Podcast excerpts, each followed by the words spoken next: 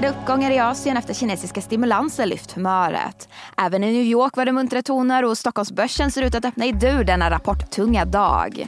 Det är onsdag den 25 oktober, du lyssnar på det i Morgonkoll och jag heter Sofie Gräsberg. Vi börjar i Asien där det är muntert efter att oväntade kinesiska stimulanser fått upp investerarhumöret. Kinas parlament har godkänt utökade emissioner av statsobligationer för 1000 miljarder yuan. Emissionerna kommer att öka Kinas budgetunderskott till cirka 3,8 procent av BNP i år från tidigare 3 och Bloomberg konstaterar att det är mycket ovanligt att landet gör budgetändringar mitt under året. Hongkongsbörsen stiger 1,5 procent. Där lyfter fastighetssektorn efter att skatten för fastighetsköp halveras från tidigare 15 procent till 7,5. Även i Tokyo stiger börsen där Nikkei är upp 1 procent. Där öppnar precis börsnoterade halvledarbolaget Kokusai 15 procent över teckningskursen. På valutafronten så stärks den australienska dollarn efter att landets inflation sjunkit i årstakt men kommit in över förväntan. Vilket även ökar sannolikheten för en räntehöjning i nästa månad. Vidare till USA där det blev ett muntert avslut på tisdagen efter ytterligare räntelättnad. Den amerikanska tioåringen står nu i 4,83 efter att ha varit uppe på 5% tidigare i veckan. Breda S&P 500 stängde upp 0,7% medan tekniktunga Nasdaq steg nästan en hel procent. Och bland uppgångarna återfanns den svenska musikjätten Spotify som rapport rusade tvåsiffrigt efter att bolaget oväntat vänt om till vinst. Googles moderbolag Alphabet rapporterar en något högre vinst och bättre omsättning än väntat. Trots det faller aktien i efterhanden på Wall Street efter att intäkterna från bolagets molntjänster ökade mindre än analytikerna hoppats på. Även Microsoft rapporterade bättre resultat än väntat och aktien steg i efterhanden. För Microsofts molnsegment gick intäkterna upp 19% från motsvarande period i fjol. Och vi får rapport från ytterligare ett megacap-bolag senare idag när Facebooks moderbolag Meta rapporterar efter börsstängning.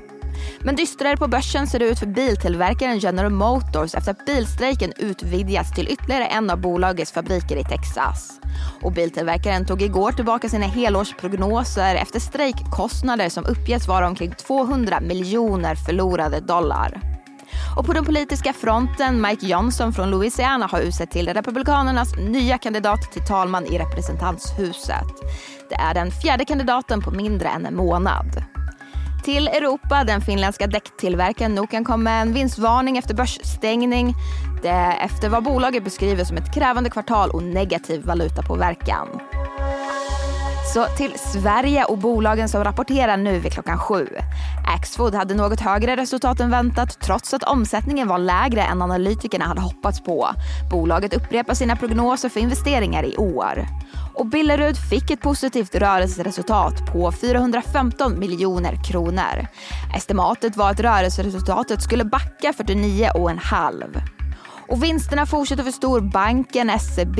Banken rapporterar klart högre vinst än väntat och räntenettot kom in strax över förväntan. Kredithanteringsbolaget Intrum däremot rapporterade under förväntan.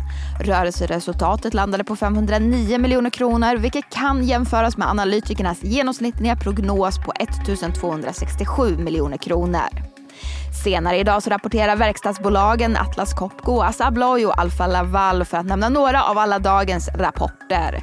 Missa inte Rapport morgon för vd-intervjuer med de rapporterande bolagen. Och så har vi lite på agendan idag. Vi får svenska producentpriser. De väntas sjunka desto mer och komma in på minus 6,5% i årstakt från tidigare minus 5,9. Men det var allt för den här nyhetsuppdateringen. Missa inte Rapport morgon som idag drar igång redan 10 över 7. Det är Morgonkollet tillbaka igen imorgon bitti. Jag heter Sofie Gräsberg.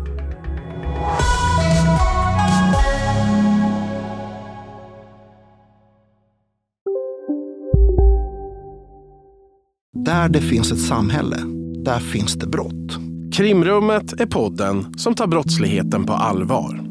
Jag bjuder in landets ledande experter och tar upp aktuella rättegångsfall för att begripliggöra den kriminalitet som kryper allt närmare. Du, alltså, du kan knäcka ett eller några gäng, men det kommer komma nya och så kan vi knäcka dem sen. Men att du ska knäcka allt forever, det kommer aldrig ske.